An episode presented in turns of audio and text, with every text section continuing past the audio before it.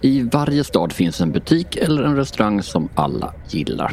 Den kan vara helt ny, den kan ha funnits i massor av år men den har något och, och, exakt vad det är det kan vara svårt att sätta fingret på men låt oss kalla det för en känsla.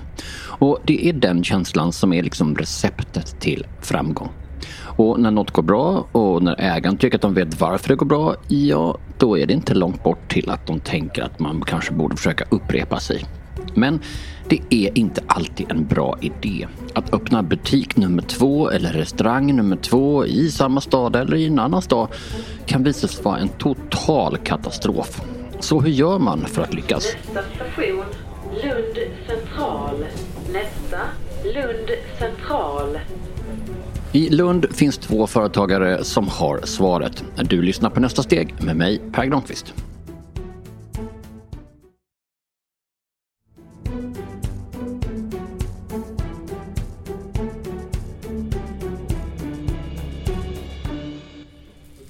Om du har någon slags koppling till Lund så känner du till Lundablandning. Ja, i alla fall om du dricker te, för det är en teblandning vi pratar om. Vad den innehåller vet ingen och det är inte viktigt. Det är blandningen som sådan som är viktig och att köpa Lundablandningen på något annat ställe än tehuset Java är förstås helt otänkbart. 58. Sen 90 år tillbaka ligger butiken på Västra Mårtensgatan 8A och det är i den butiken jag befinner mig. För 15 år sedan startade man nämligen ännu en butik, men inte i Lund eller ens i Malmö som man skulle kunna tro för att det ligger nära Hems, utan på Lidingö. Kommer du med din lilla virvelmitten? Hej! Hur är läget? Kom du nu? Precis. kom i morse. Kvinnan du hör är Sofia Wilén som äger tehuset Java och det du nog också hörde är att vi känner varandra sedan länge. Men för den som inte känner tehuset Java kan det vara svårt att förklara exakt vad det är för sorts butik. Du kan inte beskriva som en presentaffär, nej det är det ju Men inte. så ligger väl som en lite gammaldags lanthandel. Och så har de alltså den där teblandningen de är så kända för i många olika varianter. Lundablandning rött. Earl Grey alltid gott. Fredagsmys fantastiskt. Jag håller med. vad, vad ska du köpa nu då? Ja, jag ska köpa te till min syster. Hon tycker om grönt te så jag ska fixa till henne. Ja, men då så. Fredagsmys den är god. Och Tehuset Java finns alltså sedan några år även i Stockholmsområdet. Eller några år, ett decennium sen är det ju nu faktiskt. Och är det samma sak som går här och i Stockholm eller är det helt olika? Ja, det är vissa grejer samma. Sen är det mm, nej, lite annorlunda. Det är, mm, här går det ännu mer liksom katt och ros. Där kan det vara lite mer cleant. Mm, ja, just det. Och sen är det kanske en annan Är det olika på Odengatan och Lidingö? Ja, det är, Odengatan är lite mer liksom... Ett, alltså lite yngre, lite, lite, lite coolare. Och Lidingö är lite mer liksom stabilt sådär. Och Östermalmsbutiken är ju ännu mer... ehm, där kommer de in och vill ha en, något till helgen så det andra summor än vad det kanske är i Lund. Ja, just det. En gårdspresent så är den för mer pengar. På väg till lilla kontoret där vi ska sitta och prata så får man med sig liksom grejer. En pistagekräm, en testil till svärmor och en behållare man kan använda för att göra popcorn i mikron med. För det är väldigt mycket i Sofias butik som man vill ha. Tehuset Javas expansion skedde av en slump. En lokal som blev ledig. Men det fanns också en strategi bakom. Och en brorsa som bodde på rätt ställe. Och ett bra produktutbud förstås. Först var det slumpen att eh, vi är ju, det är ju jag och min bror och hans fru som driver tehuset. huset. Och min bror bor i Stockholm, eh, bodde på Lidingö och eh, det blev en lokal ledig. Så då var det liksom slump, faktiskt slumpen på eh, val av location och att han ville in i familjeföretaget. Eh, och att vi, Lidingö var ganska lämpligt, många skåningar som bor på Lidingö. Så ta en liten bit av Skåne till, till, till Stockholm. Ja, nu låter det här ju rätt slumpartat men det ingick alltså i en plan som hon och brorsan hade när de tog över. Det var ganska självklart vi, för att vi tog över från våra föräldrar. Våra föräldrar har drivit här lite vid sidan om sina andra jobb och liv eh, i flera, flera år. Och när vi tog över så fanns bara den här Lundabutiken. Nu har vi då flera butiker. Och då var väl vårt första känsla att vi ville göra någonting, liksom, få det att växa. Eh, och när du geografiskt har en lätt möjlighet. Alltså sitta i Lund och bara öppna där, det är väldigt svårt. Men att ha någon som är där hela tiden, som är familj. Så att du kan lita på varandra, du kan, eh, liksom, allt finns där redan. Eh, Så blev det ganska, alltså vi behövde inte fundera så jättelänge. Men var de redo då, undrar jag? Du har sagt att, att butiken var det, men ni måste ändå fundera på om ni var redo att driva ett företag på två ställen som bara varit på ett ställe. Ja, det är ju en, alltså, exakt, och det är inte helt lätt. Ett hade vi, dels kommer min bror och jag väldigt bra överens, vilket är tursamt. Liksom, det gör man ju inte med allt och alla. Eh, eh, vi tänker väldigt lika och sådär och saker och kunde också dela upp det liksom ganska logiskt. Och sen hade vi när vi hade- hade sagt ja till det här så rent praktiskt var det så att faktiskt en tjej som jobbade här nere som, hade, som, som var ung men sjukt driven, Hanna, som, som vi frågade. Det är inte så att du skulle vilja flytta upp till Stockholm och vara med och starta upp där. Och hon bara yes I'm on. Och så då blev det väldigt lätt att rent kunna, att kunna göra det. Och att satsningen var ju det var en ganska liten butik, eller en ganska liten butik. Så att eh, vi kunde i princip plocka lager härifrån och köra upp i en stor van liksom, och så var affären full. Ja just det, så ni slimmar lite på lagren Ja. här. Ja. Så då, var, då blir det inte en stor investering, ni måste köpa vad, malmaskiner och vad det kan vara. Nej precis, det blev alltså, visst inredning, det är kvarnar, det är liksom så här kortterminaler och det är allt sånt där som, som kostar. Men vi behövde inte starta från helt scratch med en, ett lager. Så det har vi ju, för här har vi då kunnat bygga upp det under alla våra år. Liksom. Och hur var det med konkurrensen? Hade de gjort en ordentlig analys av behovet i Lidingö centrum? Då fanns det ingen som hade så här, te och kaffe över disk. Det finns en annan butik som har grejer också. Eh, som har funnits där jättelänge. Och, eh, men vi kände att det fanns, en, eh, det fanns en tydlig nisch. För det är ju det, det, är ju det absolut viktigaste. Det absolut viktigaste är ju liksom läget och sen att du inte har någon exakt likadan bredvid. Och att det finns ett naturligt flöde av folk. Liksom flödet, flödet är nummer ett. Och det visste vi att det fanns där för det fanns Finns det, finns det mataffär, systembolag och apotek så finns det folk. Flödet är alltså A och O. För på samma torg kan det vara att flödet går förbi en lokal men aldrig kommer förbi en annan lokal. Utmaningen är förstås att ta reda på det. Och det är klart att fastighetsvärden säger att det är toppen men utan data att kolla kan det vara lite knixigt att få tag på. Men hur, med, hur kollar man sånt? Satte du brorsan där i en trappa? och... nej men precis, han stod, han stod faktiskt, han stod faktiskt fysiskt typ en dag och bara glodde liksom en vardag. Så kollade han en, kollade en lördag och så. Så det blev inte någon supervetenskaplig undersökning men en, eh, ändå. Sen är det ju, sen är ju hur tiden förändras. Detta var ju liksom 10, ja 12 år sedan nu. Sen förändras ju köpbeteendet och allt det här. Men det är en helt annan liksom, diskussion. Men hur folk så att flödet och hur folk eh, handlar och går och allt det där det förändras ju, har förändrats väldigt mycket sen vi, sen vi öppnade. Ja, sättet folk köper grejer på ändras sannoliken. Så vad är egentligen pitchen för ett ställe som T-huset Java idag, undrar jag? Du kan hitta allting på andra ställen men du kan inte hitta allting på ett ställe. Och sen är det så här att folk vill ha en upplevelse och upplevelsen får du i, för vår butik går ju liksom tillbaks till det gamla att du betjänas över disk, du får dofta, du får känna, du får eh, liksom en personlig service som verkligen är ja, när du, du möts och du får dina paket inslagna, du får en pratstund, du får eh, det är något vi kan konkurrera med, som nätet inte kan konkurrera med. Det där är ju en helt annan... Det är ju liksom... Ett eget avsnitt. Ja. Och Akil, ja. En sån gjorde de förstås och med tanke på mycket som kan ändras och hända så är det ganska bra att de är två. Jag är ju tyvärr lite... Jag är sjukt realistisk och är så här lite mm, bonnig liksom. Att jag står här i stallet och jag vill se höet innanför innan jag tror att det går att sköra. Liksom. Eh, Och eh, är försiktigare. Och så har jag min bror som är modigare. Så att vi tajmar varandra väldigt bra. Just det. Gäller att hitta den där Mm. parhästen. Det gäller att hitta parhästen så att man liksom en kan gasa och en kan ehm, då kan liksom du vet, ja men shit, kör på det då så ser jag till att jag fixar en jävla bra deal här nere nu så att vi kan få in lite mer och så kan du ta det. Bra.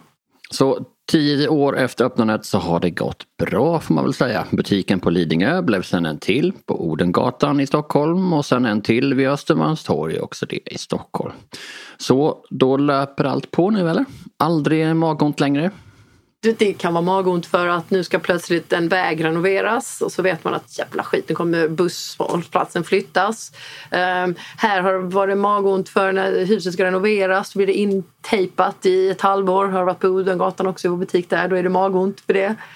Eh, att det hela tiden, man tycker liksom att ah, Gud vad bra, nu tycker den här tjejen kom tillbaka med mammaledigheten. Gud vad skönt, nu gasar vi med den. Och så, nej, då blir det ingas, inplastning av någonting. Det händer ju alltid något när man tycker att nu kan jag andas. Så vad är det som håller henne vaken då? Ett vaken på ligger man ju alltid på det här eviga "Åh, betala fakturorna, mm, likviditet och eh, att hitta um, åt rätt varor. Har beställt för mycket av den, sånt där nojigt man kan hålla på med. Liksom, små detaljgrejer som man bara får släppa. Liksom. Men sen den största utmaningen är ju att hitta rätt folk. Rätt människor.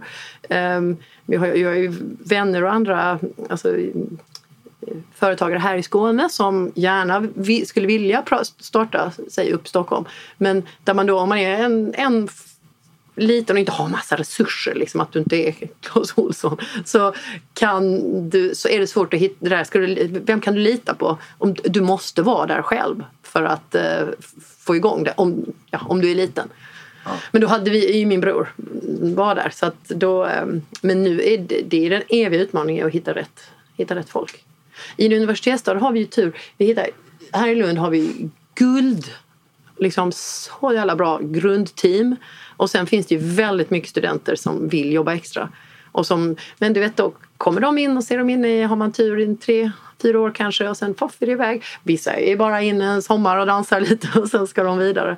Så att um, det, det tar väldigt mycket kraft och energi att lära upp folk. Hur vet man om man hittar rätt? Har du utvecklat det när de kliver in i den, genom dörren? Hur vet du då om de har rätt? Ja, alltså det går jäkligt snabbt. Jag har vi har ju ett eget kriterium. Liksom, gärna en tjej som bor på landet och håller på med hästar eller handboll. Liksom, har man det så kommer man direkt till intervjuhögen hos oss. Alltså, häst och handbollstjej, de har... De går inte förbi den fulla soptunnan och inte ser den utan de tar och knyter igen säcken och går ut och slänger den i soporna. Eh, de vet liksom att man måste göra det. Och de, alltså det finns ett, ett ansvar och det finns ett litet jävla anamma hos många. Nu generaliserar jag ju. fattar. Ja. men, eh, men, och handbollstjejerna är rätt tuffa. De kan liksom... Ja. Det är, och fotbollstjejer, det är, det är bra virke i dem alltså. Så att, det, Och är det samma i, i Stockholm? Ni har två butiker. ja, men där är det svårare att hitta folk alltså. Men det måste finnas ridskolor och handbollsklubbar. Ja, fast inne i stan då är det liksom... Då har pappa köpt en ponny och eh, den står i ett fint stall och det är någon som kanske inte behöver lägga lika mycket, har inte kämpat lika mycket för den där hästen och inte behöver cykla en kilometer till, till, till stallet liksom i ösregn utan de får skjuts dit. Så det är lite bekvämt. Nu generaliserar jag där också men det är lite bekvämare. Och, och där, har väl, där, försöker vi, där vill vi ju hitta liksom, inte centrumkids utan eh, gärna hitta någon utifrån. Men om du inte har en strategi men slumpen erbjuder en lokal så hjälper liksom inte riktigt ett bra utbud. Då går det åt helvete ändå. Mer om det efter det här.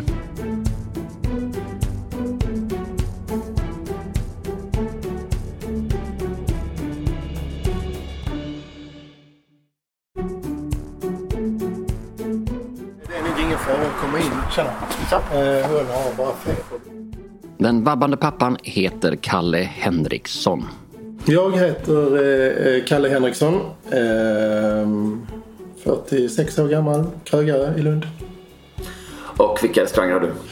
Eh, I dagsläget har jag eh, en krog som heter Klostergatans vin och delikatess. Jag har en eh, krog som heter Meat och sen har jag två patisserier och ett lite större industribageri i Lund. Och på väg att starta fler. Och på väg att starta en, eh, en vinbar och en eh, klimatsmart eh, vad ska jag säga, asiatisk streetfood-restaurang. Varför öppna nytt hela tiden? Varför kan du inte vara lite nöjd och glad som alla andra? Bara vara, göra en grej och hålla på med det. Jag kan inte gå förbi en lokal som är tom utan att börja arbeta. När jag ser en lokal på ett jävligt bra läge så, så måste jag helt enkelt börja arbeta med den i huvudet.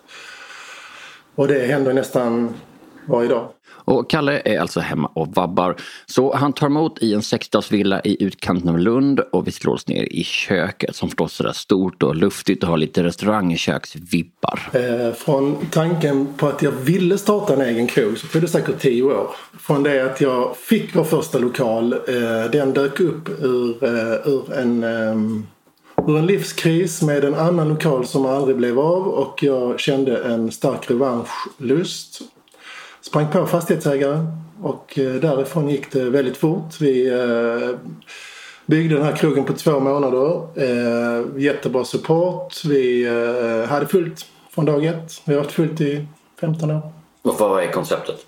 Det är en bistro. Då kom vi precis in strax innan bistrotrenden började och vi öppnade en... Det säger man ju för sig alltid. Jag var alltid lite på bollen. Ja, nej men det hade inte kommit riktigt ner här till Lund. Det var väldigt mycket sådär krogarna Just när vi skulle öppna skulle de se, eh, trendiga krogar skulle se sådär nordiskt svala ut kan man väl säga. Björk, eh, naturmaterial, kallt, tråkigt. Vi körde, vi körde schackrutiga golv, mörka träslag, eh, zinkbord.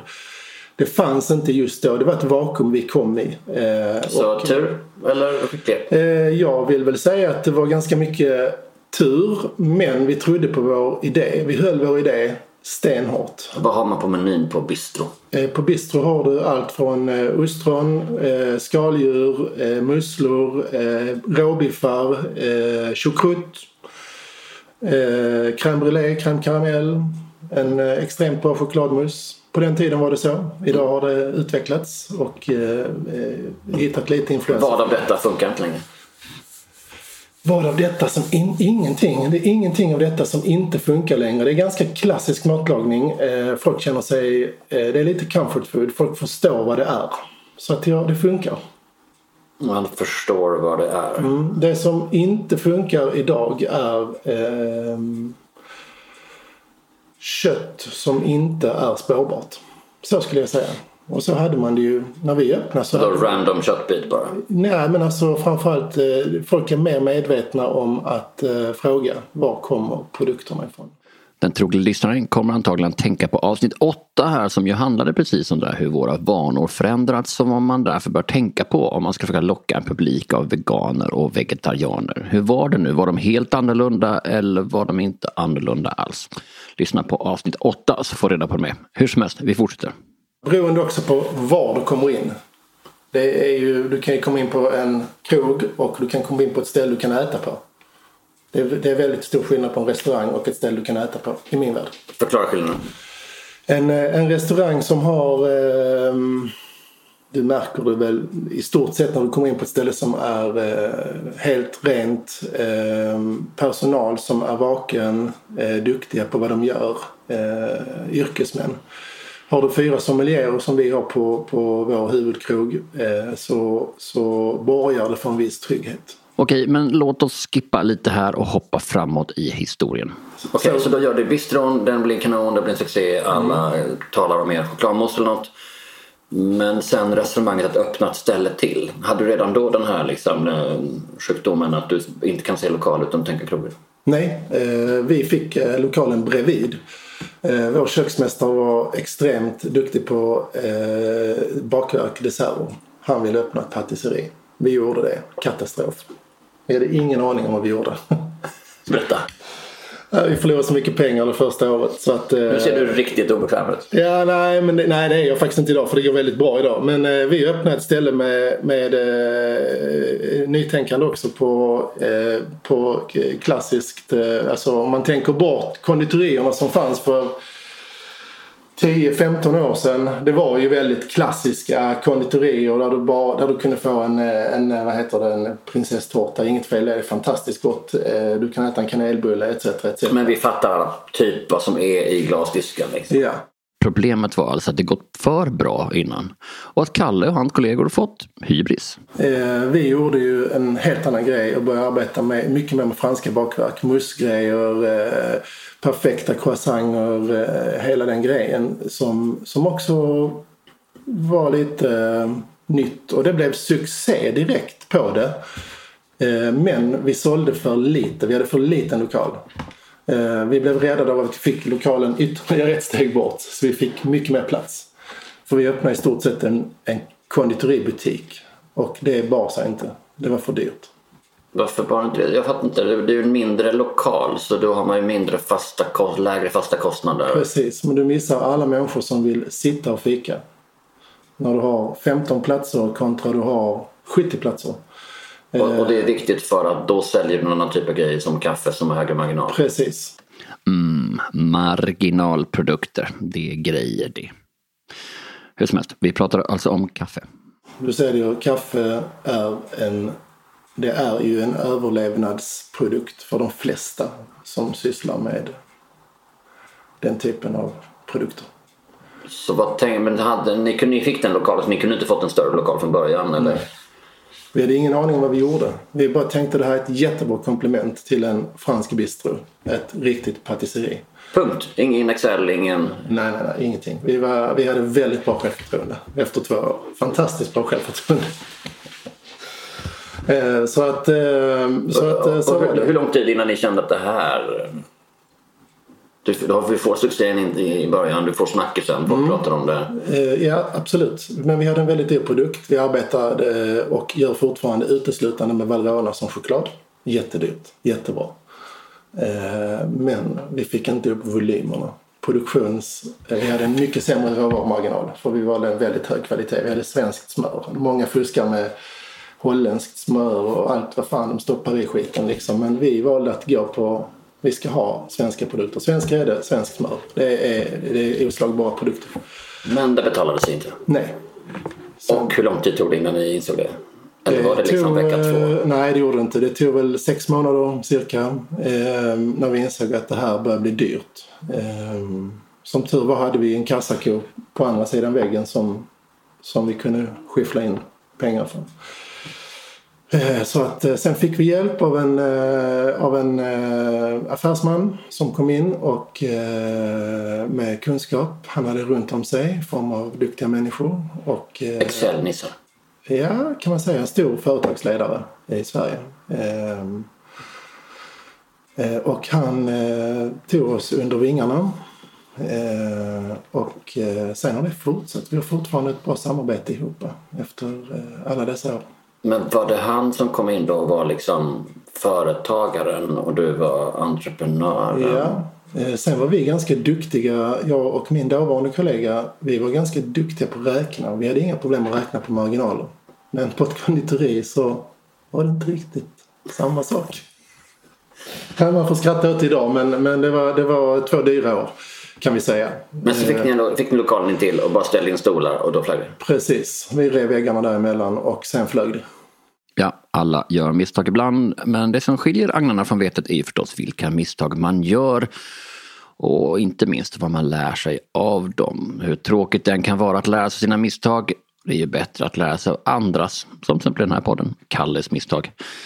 Hur som helst, poängen jag försöker göra här är att så länge man lär sig något så är misstagen lite mer uthärdliga. Jo, jag har lärt mig jättemycket. Eh, vi lärde oss jättemycket eh, samband mellan eh, personalkostnader och antal personal som arbetar kontra hur mycket platser. Vi börjar räkna på nyckeltal. Vad klarar vi att göra på fyra pers? Vad klarar vi att göra på tre pers? Vad är mest lönsamt? Vad kan vi göra på fem pers? Vad behöver vi för att klara tio? Vi börjar bena ner Och det är sortimentsbredd, alltså hur många kakor kan man ha? Nej, hur mycket? Ja, precis, ja delvis det. Kan vi ha eh, hur mycket tid kostar det att göra alla dessa produkter? Vad behöver vi personal om vi gör eh, 25 produkter kontra 35 produkter? Och kanske bättre att göra 25, välja att alternera det.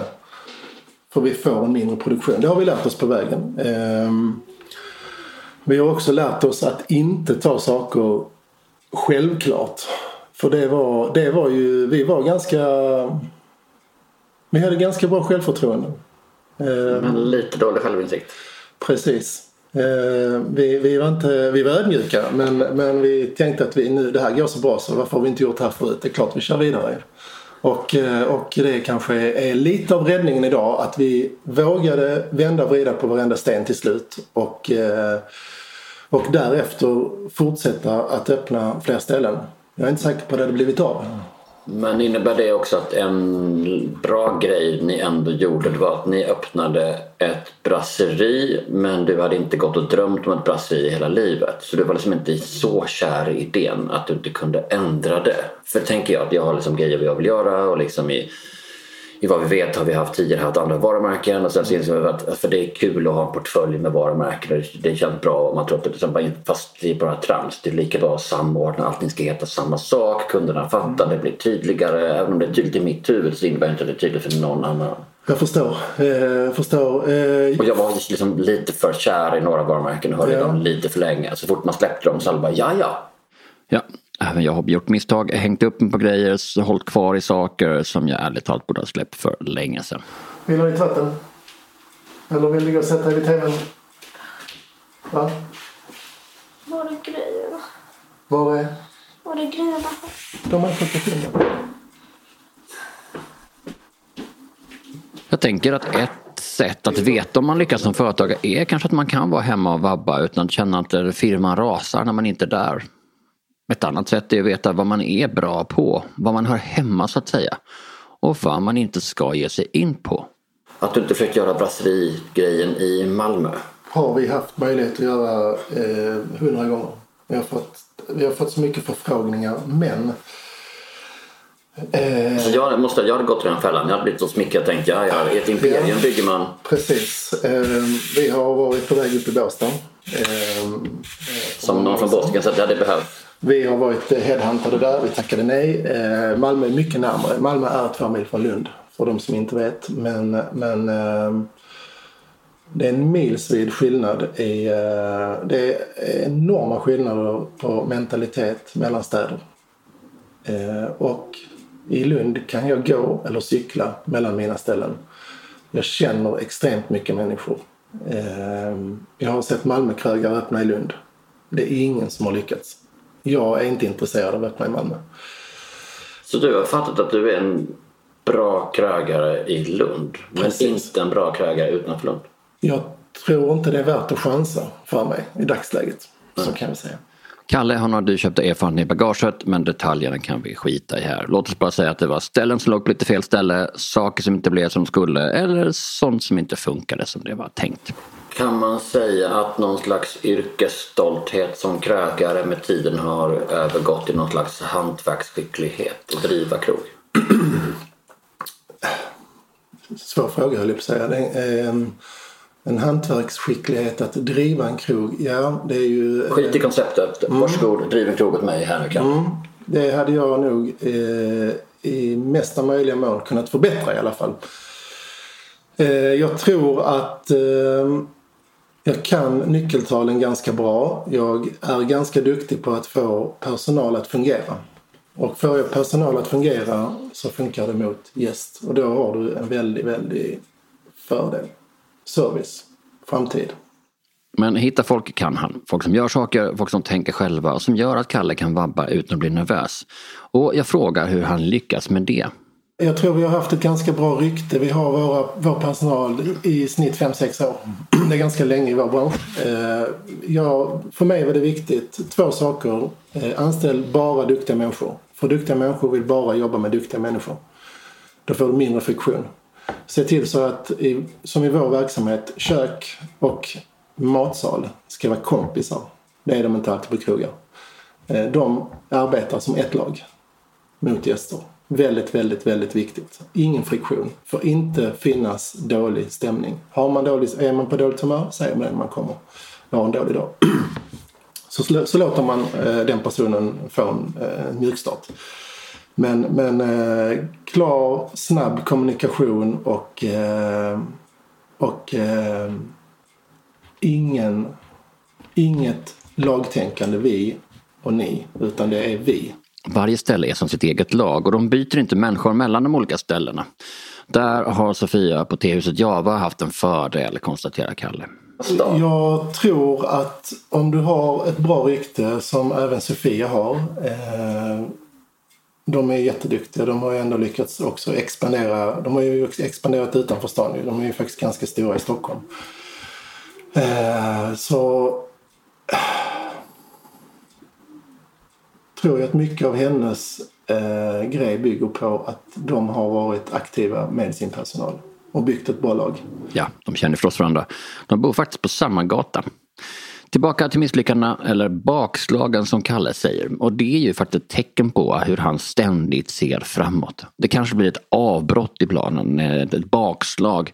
Kanske måste man då ta ett steg tillbaka. Men sen, ja, sen, sen hittar man alltid en ny väg. Det är nyttigt att ha bakslag. Eh, De får inte bli för ofta och för djupa. För det tar för mycket kraft från en människa. Och man ska inte vara rädd för att ta hjälp när man, när man, eh, när man kommer ner i de där att det här reder jag inte ut. Eh, För det ska vara roligt. Det, det måste vara nummer ett. Du måste gilla vad du gör. Eh, annars får du jobba med eh, Annars får du anställd. fakturaköp. Då, då kan du skita i vad du gör. jag på säga. Då, höll jag på att säga. Men, Är du rädd för att bli fat and happy? Ja, absolut. Är det därför du öppnar nya? Eh, nej. Nu ska jag tänka. Jag är inte, jag är inte driven av att jag måste öppna nya för att bli fat and happy. Absolut inte. Men jag menar att så rädslan för att bli fat and happy gör att man hoppar på grejer. Man måste alltid ha något som är lite osäkert, man måste alltid, eller man måste alltid ha någonting som är nytt eller man måste alltid svårast som finns som företagare måste ju, alltså jag kan verkligen beundra de företagare som öppnar en affär, en verksamhet och sen driver den och bara driver den. Finns och levererar och inte Jag jag, tror, jag måste alltid hålla på med någonting nytt för annars kommer jag liksom att börja pilla och skruva och jag kommer kunna pilla sönder grejer. En del är ju bra det för att det gör att jag hela tiden utmanar. Kan vi göra det här? Kan vi öppna? Kan vi stänga? Vi måste gå vidare. Men det handlar också om att inte pilla sönder. Liksom. jag, kan, jag förstår menar. Jag kan beundra de människorna som kan verkligen leva och vara så jävla nöjda med att ha Gud, jag har min grej och mitt företag och jag behöver inte få det att växa. Det är precis lagom. Jag som människa mår bra av det. Men jag hade, precis som du säger, jag, det är kul att se möjligheterna, skapa någonting. Det är inte lika kul att vårda det. Därför måste du sätta andra personer som ska sköta den tråkiga dagliga driften. Och det här vittnar ju om en viss självinsikt. Att veta vad man är bra på och att veta vad man inte ska ägna sig åt. Jag tjatar lite grann här men det där är ju så himla viktigt. Det måste finnas andra för att du måste hitta, jag tror som människa jag har min mentor, han är 70 år gammal eh, och han är eh, livrädd för att sluta arbeta. Det hade han kunnat göra för länge sedan. Rent ekonomiskt. Men han säger det, jag tror jag kommer dö den dagen jag slutar arbeta. För att jag kommer inte ha något kreativt. Det räcker för mig att tänka, sa han. Fundera, att få göra grejer där jag känner mig att jag skapar någonting med mitt huvud. Men jag måste ha någonting att göra. Och det, jag tror det där ligger mycket i det. Ehm, att bli inte fat and happy. Det funkar inte för alla. Det funkar inte för dig. Eh, det funkar inte för människor. Är det en diagnos? Jag vet inte. Det är så lätt att säga om du har en diagnos. Nej, det har du inte.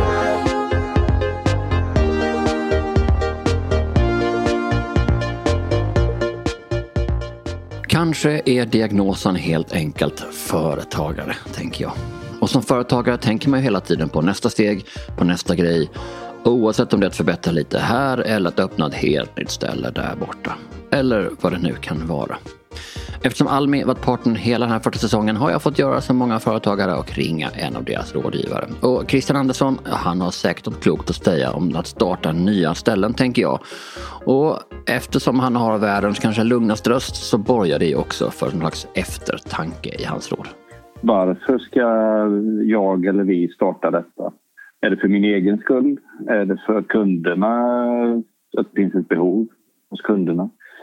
Eh, några enkla saker som kan göra att man får en bra bild av det för sig själv är att man sätter långsiktigt mål. Eh, tre till fem år. Kortsiktiga mål, eh, månad, kvartal, år. Eh, och framför allt om man är flera då som är involverade så är just målsättning eh, är något som är eh, oerhört viktigt för att man ska ha samma syn på saker och ting. Det låter, på dig som att ibland så tror man att man alltid ska starta nytt, en till, bli större, växa mer. Och det är egentligen det du vill ifrågasätta med det. Att så här, varför gör jag det? Är det för att det är mitt eget ego? Är det för att jag har läst i Dagens Industri att alla verkar starta bolag hela tiden? Eller så? Ja, man kan väl säga så här att jag har egna erfarenheter av att vara ett företag i 15 år och eh, i många fall, jag har även haft andra affärsidéer innan jag började på Almi och sådär. Och eh, i många fall så eh, när man väl har kämpat ett tag så märker man att nej, men det var ju bara jag som tyckte att det här var en bra idé.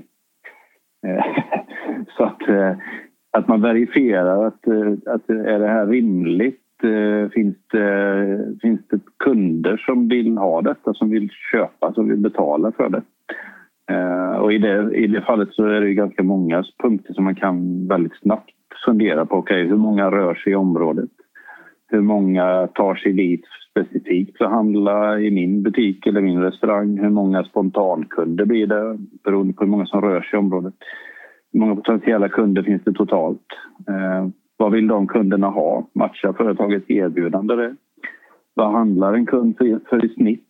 Vad är snittmarginalen? Och när man då tittar på kostnader och annat så kan man faktiskt bryta ner per dag. Hur många kunder behöver vi per dag för att få det här att eh, gå runt men gärna gå med ett plus. Så att. Och så kanske man måste göra pandemitestet nu också tänker jag. Alltså att det säga, klara det, att, att jag tappar halva omsättningen. Ja, nej men, eh, någonting som vi har lärt oss av eh, det här är väl ändå någonting som de flesta företagare vet att vad som helst kan hända när som. Så att man, eh, visst, man kan planera men man måste också ha någon slags eh, eh det finns ett modord, eh, om det nu är ett modord längre, men agilt tänkande. Eh, det, går inte, det går inte att sätta sig ner och, och tänka att eh, oj, eh, det var ju taskigt att det blev så här utan man måste i så fall tänka hur gör vi nu? Eh, så att, precis som du säger, man måste ha någon slags, eh, kanske inte pandemitänk men det kan ju vara att det brinner ner eller vad som helst. Alltså, vad som helst kan hända och då behöver man ha en... Eh, det går inte att ha planer för allt eh, som kan ske utan eh, det man bör träna sig i det är istället att eh, förflytta sig snabbt till rådande omständigheter. Vad som helst kan hända. Ja, kanske var vi alla lite väl fat and happy när vi inledde 2020 och det här har utan tvekan varit det stökigaste året i mitt företagarliv. Men mitt företag, vad vi vet, har faktiskt överlevt. Obviously, eftersom du hör det här. Men vi har kämpat mot att hamna mot obestånd. och Det har varit långa nätter och långa dagar. Det har varit uppsägningar, det har varit förhandlingar med leverantörer. Det har varit massor med olika grejer. Vi tittat på hur man ska kunna få fler inkomster och allt möjligt annat. Men samtidigt har 2020 faktiskt varit ett framgångsår för oss.